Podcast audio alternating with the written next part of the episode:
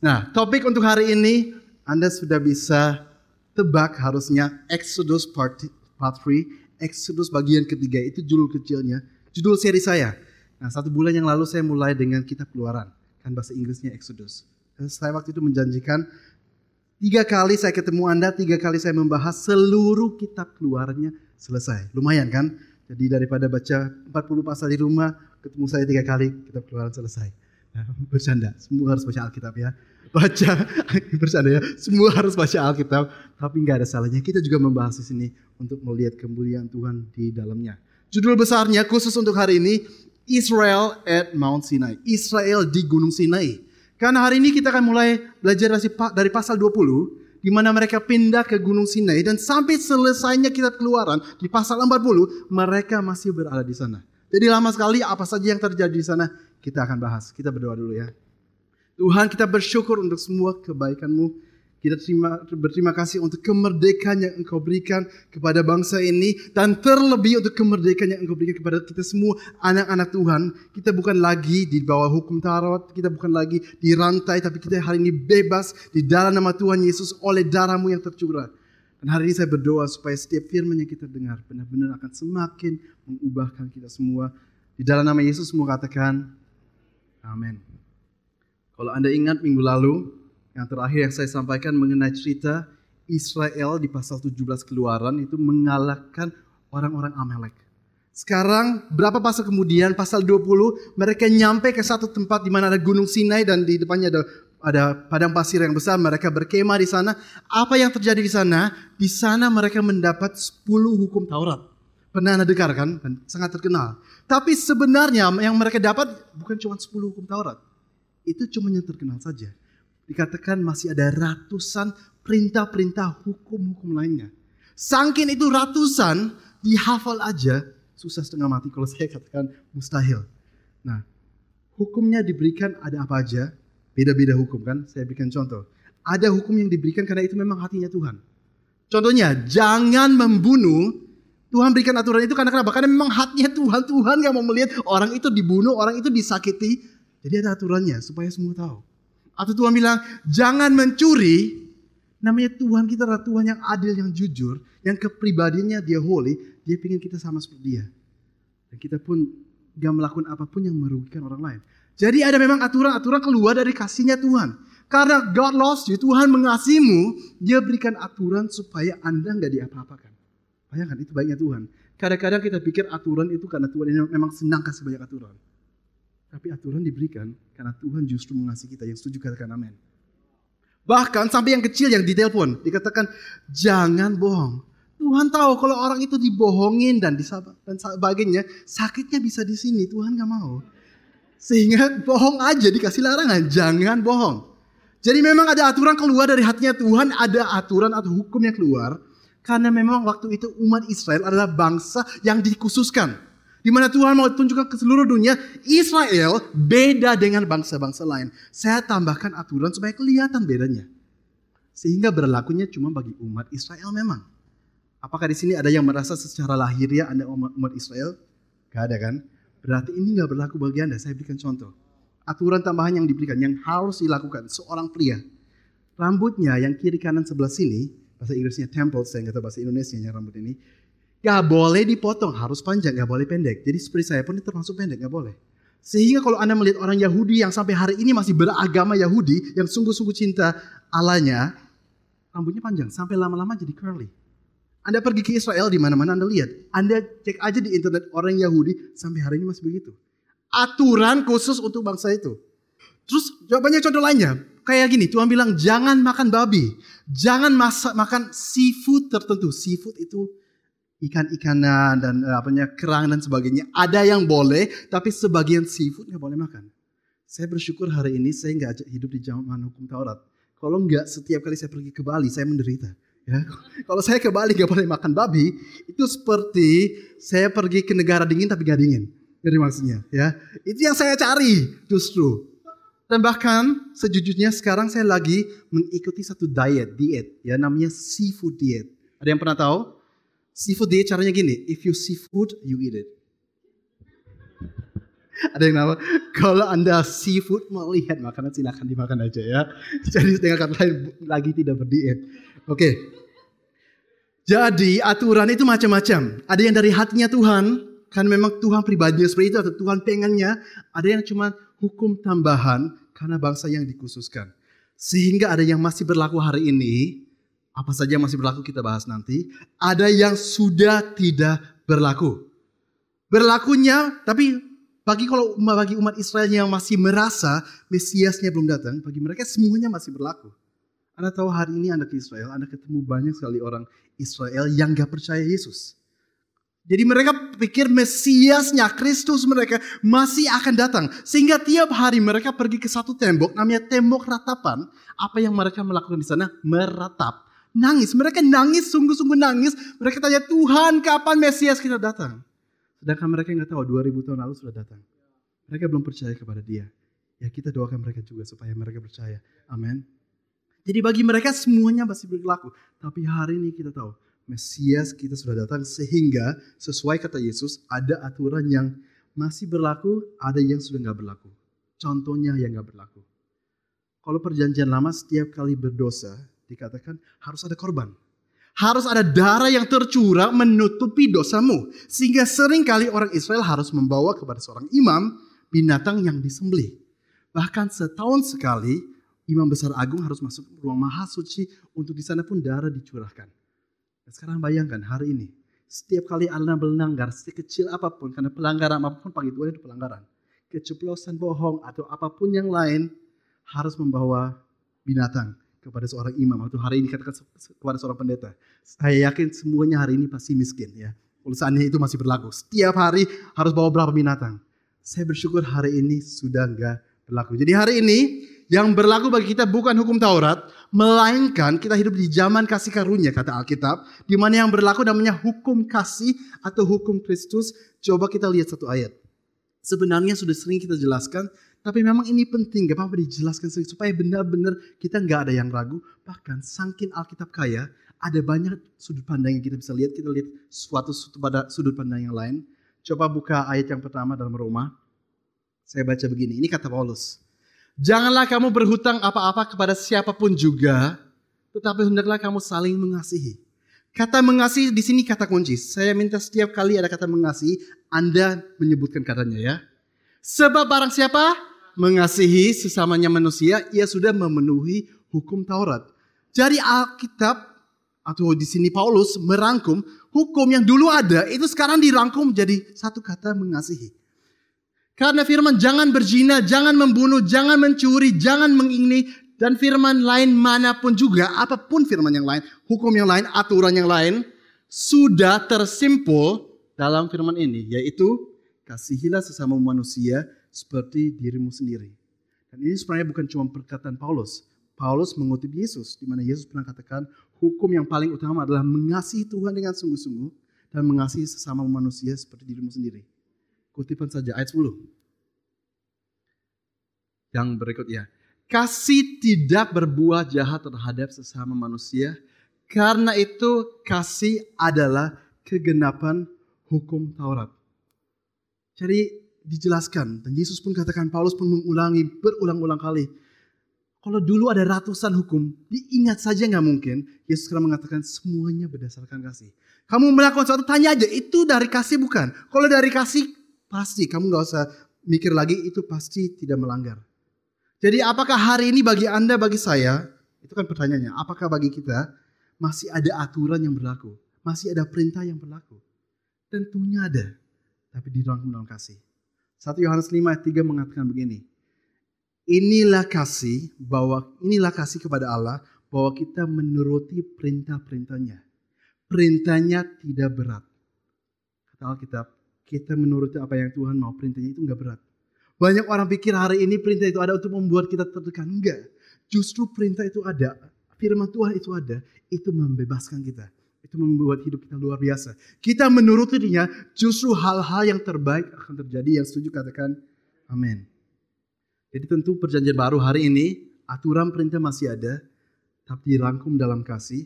Dan bahkan ada perbedaan sedikit sama perjanjian lama. Perjanjian lama dijelaskan firman Tuhan diberikan supaya jadi dan orang-orang itu hidup di bawah tekanan firman Tuhan. Jadi benar-benar jelas-jelas dikatakan seperti itu. Sehingga kayak seolah-olah Tuhan bilang, ini saya kasih aturan, nih coba kamu lakukan, gak mungkin bisa. Seolah-olah Tuhan jahat, tapi nanti saya jelaskan maksudnya di balik itu. Jadi dulu perintah diberikan, Tuhan sudah tahu mustahil kamu turuti semua. Justru karena itu saya berikan. Sampai satu saat Tuhan Yesus datang, Tuhan Yesus katakan, saya sudah menenggap, menggenapi seluruh firman Tuhan. Dan hari ini saya jelaskan, saya rangkum hukum ya, perintah yang Tuhan berikan itu sebenarnya berdasarkan kasih. Dan hari ini pun kita turuti perintah bukan karena kita di bawah hukum Taurat, tapi dikatakan karena ada Roh Kudus tinggal dalam diri kita yang menulis perintah-perintahnya bukan lagi di atas loh batu, melainkan di atas apa hati kita. Sehingga hari ini kita lakukan apa pun itu karena hubungan kita dengan Tuhan. Karena meluap, karena ingin, bukan karena di bawah hukum, tapi karena kepengen. Kemarin pas retreat dengan wilayah life group, saya kasih satu pertanyaan. Dan saya tanya seperti ini. Di sini siapa yang pacaran, siapa yang siapa yang suami istri, coba angkat tangan. Terus ada ada orang-orang yang angkat tangan.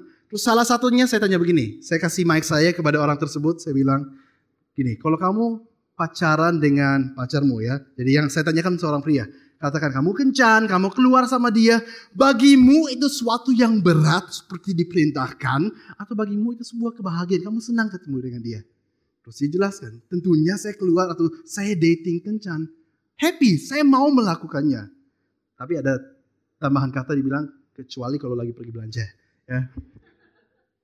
Terus saya tanya yang lain, apakah di sini dari pria-pria ada yang mau menantang? Apakah di sini memang ada yang merasa tiap kali harus keluar ketemu pacarnya, ketemu istrinya sesuatu yang berat seperti soal seperti aturan atau hukum? Gak ada yang angkat tangan. Karena mungkin kalau angkat tangan juga mereka sudah tahu besoknya harus nginapnya tidurnya di sofa mungkin. Dan saya yakin hari ini pun kalau saya tanya di sini gak ada yang menantang. Kalau kita mengasihi atau suka dengan seseorang, Melakukan sesuatu itu gampang, meluap dari hati, dari hati bukan sebuah aturan. Malah kepengen. Gak ada beda dengan Tuhan. Kalau kita berjalan dengan Tuhan. Dan roh kudus hidup dalam diri kita. Dan semuanya itu firman itu meluap dari hati. Hal-hal yang kita lakukan, kita gak merasa itu aturan. Kita gak merasa itu kayak hukum, kita gak merasa itu kayak perintah. Tapi malah saya ingin dekat dengan Tuhan. Saya ingin melayani. Saya boleh melayani di gereja kehormatan. Saya boleh melayani Tuhan di luar sana kehormatan. Bukan lagi harus dipaksakan. Itu yang Tuhan cari. Amin. Bahkan ilustrasi yang barusan saya berikan mengenai loh patu, kalau Anda ingin baca, silahkan baca di rumah 2 Korintus 3 ayat 1 sampai 6. Hari ini saya banyak kutip ayat untuk menghemat waktu. Jadi kita nggak buka satu persatu. Kalau buka satu persatu sampai ibadah sore, mulai jam 5 pun kita belum selesai ya. Jadi karena saya mengasihi Anda, kita mempersingkat aja. Bisa dicatat 2 Korintus 3 ayat 1 sampai 6. Oke. Okay. Pertanyaan yang lain yang sering ditanyakan begini, bagaimana kita bisa tahu hukum atau perintah perjanjian lama mana saja yang masih berlaku? Ini pun kita barusan bahas dalam salah satu khotbah tanggal 31 Maret. Saya cek kembali ya. Kita bahas mengenai hal ini, tapi sekali lagi ini penting gak apa-apa diulangi. Dan bahkan saya mau memberikan bahasa yang lebih sederhana. Ya apa cara tahunya hukum perjanjian lama kalau ada yang masih berlaku sampai hari ini, tahunya gimana? Bahasa sederhananya, bahkan kalau seandainya saya perlu jelaskan ke anak kecil, supaya anak seusia sekolah minggu pun bisa ngerti, kira-kira jawaban saya gini, coba kamu baca perjanjian baru, dan kalau kamu baca langsung jelas yang mana masih berlaku. Intinya, suka baca Alkitab, pasti jelas sekali. Ya, kalau belum jelas, berarti tanda tanya besar suka baca Alkitab enggak. Ya, ya semua harus mengorek hatinya diri sendiri, oke? Okay? Jadi baca Alkitab perjanjian baru terutama. Semua yang masih berlaku itu diulangi di sana. Dan selain itu, pertanyaan kedua, selain kita baca Alkitab Perjanjian Baru, pertanyaan kedua, apakah sesuai kata Yesus? Itu semua berdasarkan kasih. Contohnya, gosipin seseorang, gak perlu baca Alkitab pun seandainya, saya seharusnya sudah mengerti, gosipin orang itu menjelekin orang, menyakiti hati orang, gak berdasarkan kasih, gak mungkin itu baik. Ya kan? Tapi memang selebihnya kita juga perlu baca Alkitab. Contohnya, Alkitab Perjanjian Baru mengatakan, jangan memiliki istri lebih dari satu. Itu aturan baru. Munculnya di perjanjian baru. Perjanjian lama nggak ada. Anda tahu nggak Daud punya istrinya berapa? Ratusan. Kalau Salomo anaknya Daud punya berapa? Kalau dihitung sampai sama permaisuri permusurannya ada seribu. Apakah Tuhan bilang bagi mereka itu dosa? Enggak. Dulu nggak dilarang. Tapi hari ini Tuhan bilang ada aturan baru. Istri cukup satu. Kalau punya banyak istri juga kasihin istrinya ya kan? Tuhan mengerti isi hati orang. Jadi baca aja sangat jelas. Atau contoh lainnya, cara tahu. Tadi kan tambahan aturan. Sekarang contohnya aturan perjanjian lama masih berlaku. Contohnya tadi jangan mencuri, jangan membohong. Tapi juga hormati orang tuamu. Itu semua hal-hal yang sampai perjanjian baru pun diulangi kembali sampai sangat jelas. Jadinya harusnya nggak ada keraguan dalam hal itu. Pertanyaan yang berikut yang sering ditanya begini. Mengapa hukum Taurat diberikan pada umat Israel? Kalau toh Tuhan dulu sudah tahu satu saat Tuhan Yesus itu ada akan datang dan dia akan mati di kayu salib dan dia akan selesaikan semuanya dan nanti hidupnya di bawah kasih karunia. Kenapa mulai dari hukum Taurat dengan aturan-aturan dan sebagainya? Jawabannya sebenarnya cukup banyak karena juga aspeknya itu banyak. Tapi hari ini kita lihat kepada satu ayat saja yang menjawab itu semuanya. Selebihnya saya minta, saya hari ini salah satu khotbah di mana saya mau berikan PR. Anda pulang cari waktu untuk baca Galatia pasal 3 sampai pasal 5. Tiga pasal. Gak terlalu pendek tapi gak terlalu panjang juga dan mudah dipahami. Di sana jelaskan semua kenapa Tuhan berikan hukum Taurat. Galatia 3 sampai 5. Tapi salah satu ayatnya coba kita lihat. Galatia 3 ayat 24.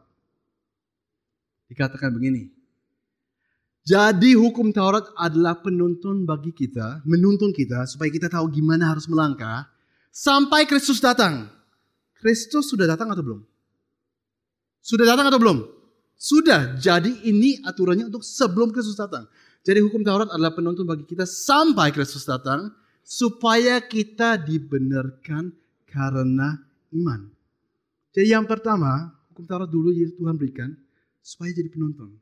Supaya umatnya mengerti yang mana menyenangkan Tuhan. Taunya dari mana kalau nggak diberitakan? Kan Tuhan harus bilang, saya pribadinya kayak gini. Yang saya suka kayak gini. Saya suka umat saya kudus. Saya suka umat saya menyembah saya. Gak punya Allah lain.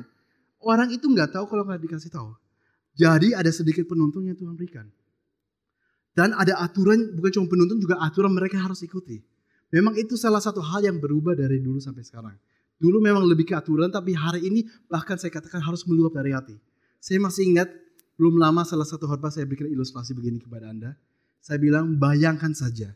Suami istri, suaminya ngomong ke istrinya begini. Tahu nggak? Dari dulu saya pengen selingkuh. Tapi saya tahu kalau saya selingkuh kamu pasti gondok. Jadi saya nggak jadi selingkuh. Saya, kamu pasti akan ngamuk, kamu pasti, marah. Sekarang bayangkan istrinya dengar begitu kira-kira senang atau nggak senang? Apakah oh senang ya dia berarti nggak jadi selingkuh? Ya enggak lah dia pasti istrinya pasti gak senang. Karena tahunya ternyata selama ini dia pengen selingkuh. Cuman gak selingkuh karena takut saya marah. Kan malah justru merasa gak dikasihi. Tuhan gak ada bedanya. Walaupun memang ada banyak anak Tuhan mereka cuma melakukan hal-hal karena itu perintah daripada Tuhan gak senang. Ya memang itu sudah jauh lebih baik daripada mereka melanggar ya. Sudah jauh lebih baik mereka nggak menyembah Allah lain daripada mereka menyembah Allah lain walaupun mereka merasa itu aturan. Tapi Tuhan lebih mau lagi orangnya melakukan karena mencintai saya. Orangnya itu melakukan karena kenal saya dan tahu isi hati saya dan tahu apa yang menyenangkan saya. Itu yang Tuhan cari.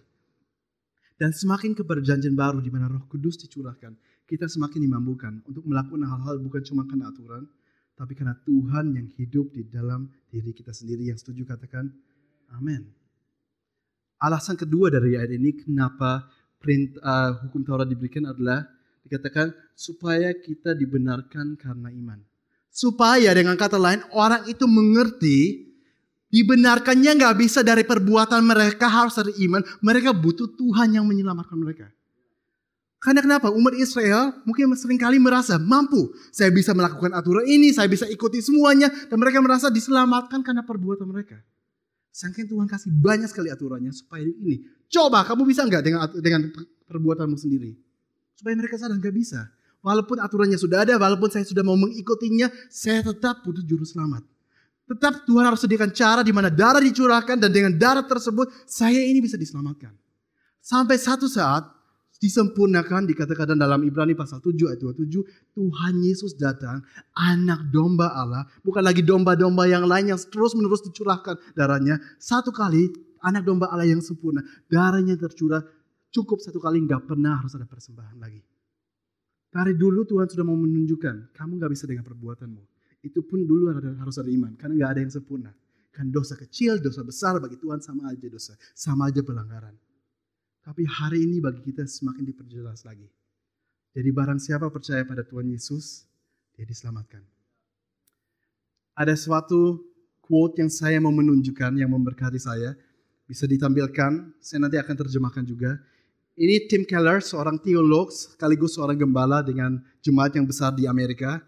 Dia mengatakan begini, You are more sinful than you could dare imagine, and you are more loved and accepted than you could ever dare hope. Artinya begini, kamu jauh lebih berdosa daripada yang kamu bayangkan, tapi kamu juga jauh lebih dikasihi dan diterima Tuhan dari yang kamu bisa bayangkan.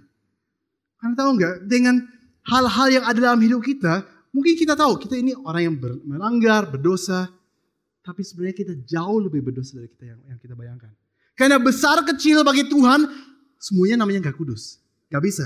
Bagi Tuhan sama aja kejijikan. Tapi di saat yang bersamaan Tuhan jauh lebih mengasihi kita daripada yang kita bisa bayangkan.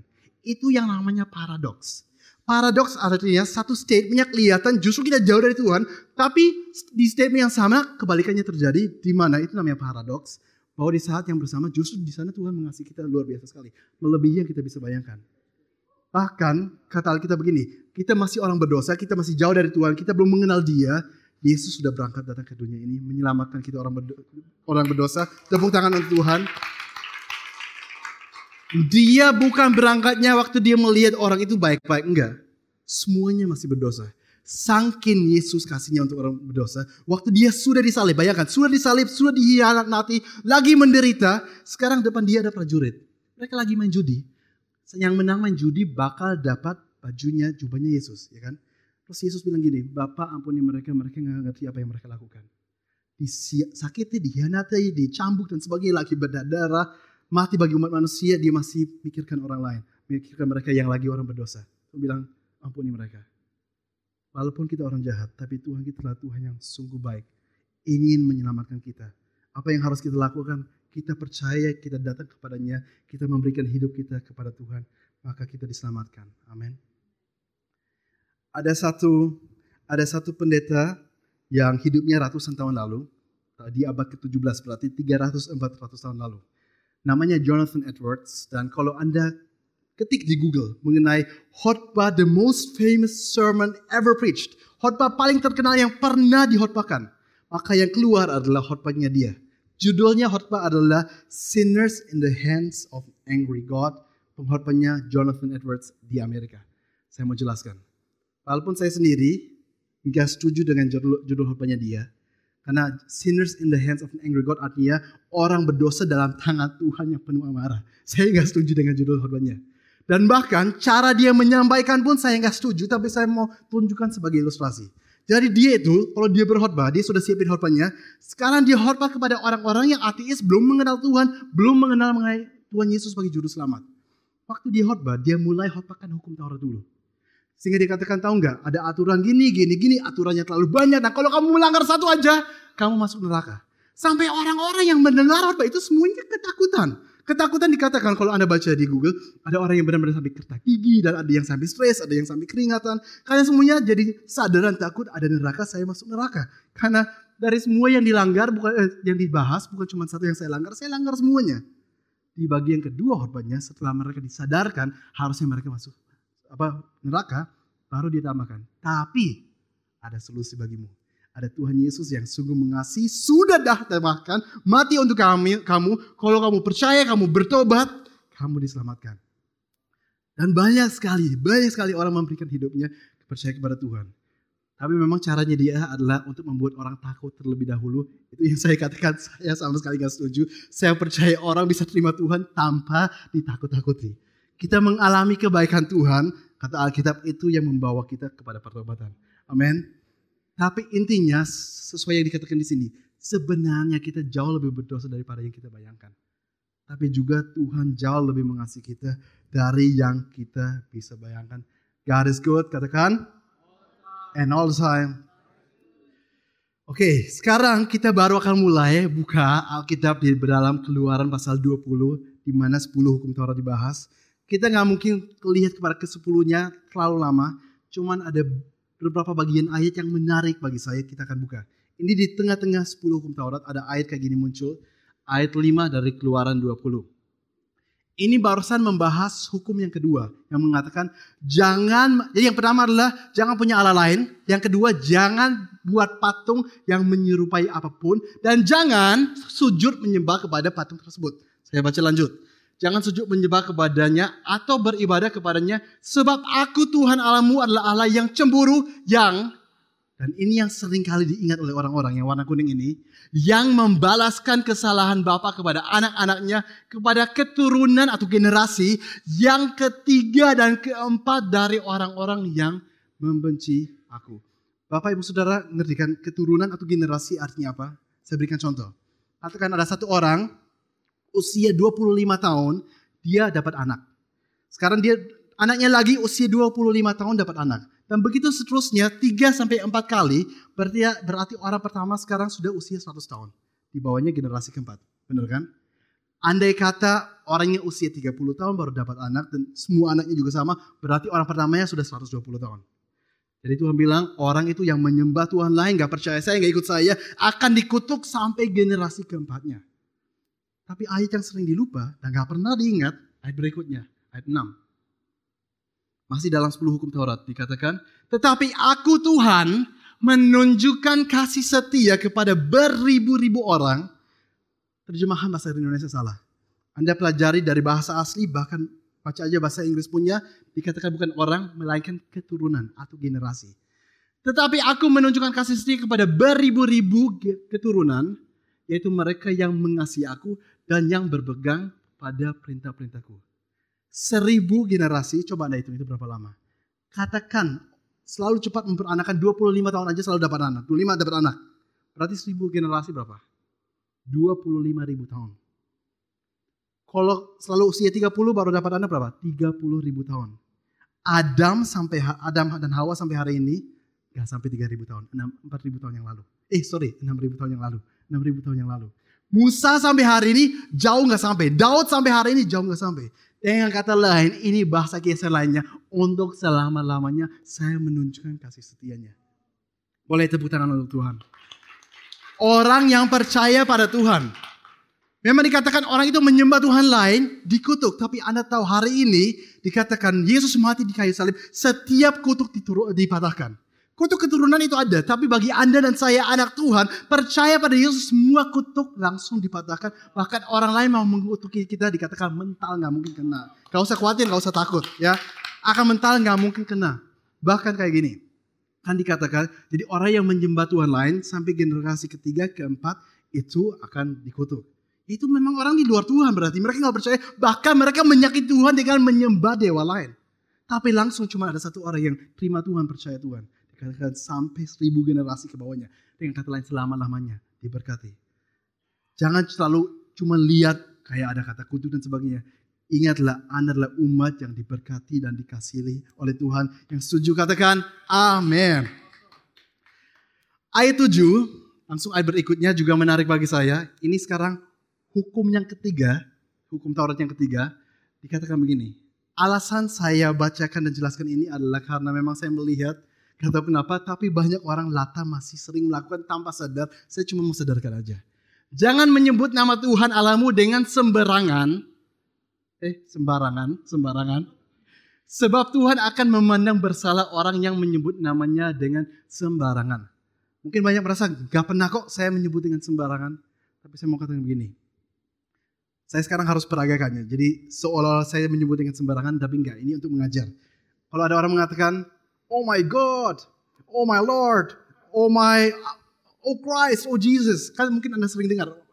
Orang mengatakan itu, sekarang ada dua situasi. Situasi di mana itu oke, okay, dan situasi di mana itu nggak oke okay, atau dengan kata lain itu sembarangan. Contohnya, botol air nggak penting jatuh. Oh my God, Christ, Jesus. Itu memang ada, saya minta maaf, itu memang sering terjadi. Karena kenapa? Orang itu lata. Dan itu yang seharusnya jangan untuk hal-hal gampang pakai nama Tuhan ya sebaiknya jangan. Saya tahu orang melakukan gak ada motivasi jahatnya karena mereka memang gak sadar. Ya tapi gak apa-apa. Hari ini kita baca Alkitab supaya kita disadarkan kalau ada yang kurang. Oke? Tapi memang ada situasinya di mana sangat pantas untuk dilakukan. Contohnya orang itu mungkin sesuatu yang buruk terjadi, orang itu mau jatuh dan dia nggak kepikiran untuk bisa khotbah untuk doa lama. Dia cuma bilang Yesus atau Tuhan tolong. Ya itu nggak apa-apa, cocok. Orang lagi jatuh, dia nggak punya waktu lima menit berdoa. Dia cuma bisa bilang Yesus dan Yesus mengerti isi hati kita. Satu kata Yesus itu sudah doa. Doa minta tolong dan Tuhan mengerti. Jadi memang ada saatnya boleh dipakai. Jadi kalau kita termasuk orang yang mungkin lata, ya latanya kita ubahkan dengan kata-kata lain. Mungkin for example, oh my gosh, oh my goodness, atau kata-kata lain terserah dipilih sendiri aja. Saya punya teman pendeta, dia pernah kesaksian kepada saya. Kesaksian ini untuk saya cukup susah untuk dipercayai karena kepikirannya kayak ini mustahil. Tapi dia bilang begini, dia waktu dia nyetir mobil dan di dalam mobilnya ada anaknya dia juga masih kecil. Waktu nyetir keadaan kondisi cuaca lagi buruk, jadi saya lupa hujan atau gimana, jadi susah untuk melihat. Lagi mau nyalip, pas lagi mau nyalip tiba-tiba ada truk dari depan. Dan dia dalam hati sudah merasa saya ini pasti akan mati. Dan yang dia cuma bisa bilang adalah Yesus tolong, saya lupa tuh Tuhan tolong, something like that. Terus dia langsung detik berikutnya dia melihat dia sudah kembali di jalurnya sendiri. Jadi nggak jadi ditabrak oleh truk. Kan tadinya harusnya dia nyalip, tapi kayak Tuhan pindahkan mobilnya atau ada malaikat Tuhan pindahkan mobilnya, diamankan. Memang waktu saya dengar saya pikir kayaknya nggak mungkin. Tapi saya baca Alkitab bahwa memang Tuhan itu luar biasa. Dan bahkan pernah Filipus seorang penginjil melayani dan Tuhan butuhkan Filipus di tempat yang lain. Kita baca di kisah Rasul dari satu detik ke detik yang berikut Tuhan pindahkan Filipus dari kota ini ke kota yang lain. Gak ada yang mustahil bagi Tuhan. Dan orang cuma menjadi Tuhan aja itu sudah doa. Dan Tuhan mengerti isi hati kita.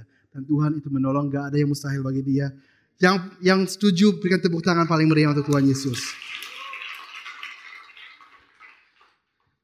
Hal-hal yang lain yang terjadi di waktu mereka di Gunung Sinai. Jadi umat Israel di Gunung Sinai dan dari pasal 20 sampai selesai pasal 40 keluaran mereka masih di sana karena banyak yang terjadi. Salah satu hal yang lain yang terjadi adalah kemah suci juga disebut tabernakel itu didirikan. Kalau Anda ingat, tabernakel itu dikatakan Tuhan bilang, saya mau punya tempat di mana itu saya bisa berada, di mana saya itu bisa hadir. Hari ini zaman sekarang kita tahu Tuhan hadir dalam hati kita. Ya, dalam roh kita Tuhan hadir. Tapi waktu itu Tuhan mau ada satu tempat, dan karena umat Israel waktu itu suka pindah-pindah karena masih di padang gurun, tempatnya berupa kemah. Jadi kemah suci, ada pelataran besar, pelataran luar. Di dalamnya lebih kecil ada kemah suci dan di dalamnya lagi ada ruang maha suci. Tapi untuk membangun itu semua butuh orang-orang yang mengerti caranya gimana. Dan di sini ada kisah yang luar biasa. Kita buka keluaran 36 ayat 1 sampai 2. Di sana dikatakan begini. Demikianlah harus bekerja Bezalel dan Aholiab dan setiap orang yang ahli yang telah dikaruniai Tuhan keahlian dan pengertian sehingga ia tahu melakukan segala macam pekerjaan untuk mendirikan tempat kudus, tempat menurut yang diperintahkan Tuhan. Jadi Tuhan punya rencana, suatu harus dibangun, Tuhan memberikan visi. Percayalah kalau Tuhan berikan visi, Tuhan juga berikan provisi. Kalau Tuhan, if God gives a vision, He gives provision. Kalau Tuhan mau sesuatu itu dikerjakan dan dilakukan, maka kemampuan untuk hal tersebut Tuhan juga berikan. Dikatakan kepada beberapa orang. Ayat yang kedua, Lalu Musa memanggil Bezalel dan Aholiab dan setiap orang yang ahli yang dalam hatinya telah ditanam Tuhan keahlian. Tuhan memberikan sekejap. Tadi malamnya belum punya, besoknya bangun dia bisa karena Tuhan berikan. Setiap orang yang tergerak hatinya, ini kuncinya. Jadi Tuhan berikan kepada orang-orang siapa? Apakah semua jutaan orang dipakai? Enggak. Tapi ada beberapa orang yang berapi-api untuk Tuhan, yang rindu kalau bisa saya mau melayani Tuhan orang-orang itu yang Tuhan pilih. Ya udah kepadamu saya kasih kemampuan, kemampuan, kemampuan. Sekejap. Kayak Salomo ingat, satu malam dia bermimpi, hari berikutnya Tuhan berikan hikmat yang melebihi dikatakan semua orang lain di dunia. Sekejap. Setiap orang yang tergerak hatinya untuk datang melakukan pekerjaan itu. Tuhan punya banyak rencana luar biasa di dunia ini. Tapi Tuhan memakai orang biasa seperti Anda, seperti saya dan mungkin pernah Anda punya impian, di mana Anda merasa impian ini mustahil saya lakukan karena saya nggak punya kemampuannya. Tapi saya merasa Tuhan ngomong. Bahkan pernah saya dinubuatkan kalau saya baca Alkitab, saya berapi-api untuk hal ini. Entah itu bisnis atau apa pun juga, atau pelayanan. Tapi percayalah kalau Tuhan yang sudah mendorong Anda, dan Anda termasuk orang seperti mereka, yang punya kerinduan, mau melakukan untuk Tuhan. Tuhan bisa berikan dalam sekejap. Bagian Anda apa? Bagian Anda, Anda punya kerelaan, kemauan, anda mau dipakai Tuhan, Anda berdoa, Tuhan bisa pakai Anda. Sudah banyak sekali kesaksian kita berikan di sini mengenai bagaimana ada gembala life group yang tadinya nggak merasa mampu, Terus tiba-tiba karena dia relakan untuk melayani Tuhan menjadi gembala life group, tiba-tiba dia punya hikmat untuk mengarahkan orang, pas dia memberikan nasihat, nasihatnya sungguh luar biasa, pas dia berdoa sesuatu terjadi.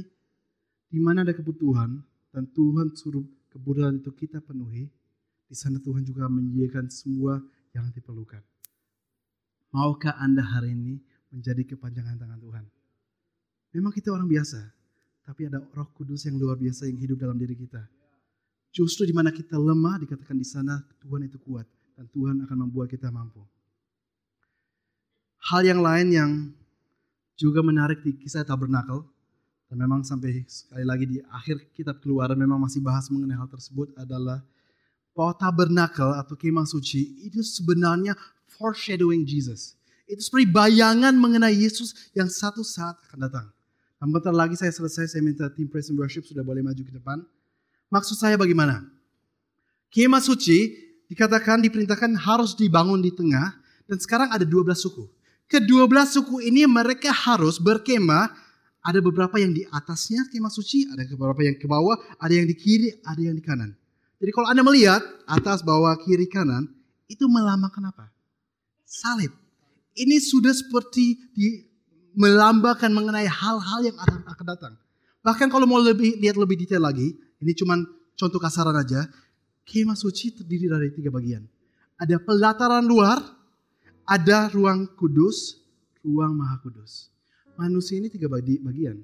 Kita ini tubuh, dalamnya ada jiwa, tapi kita yang sebenarnya adalah roh.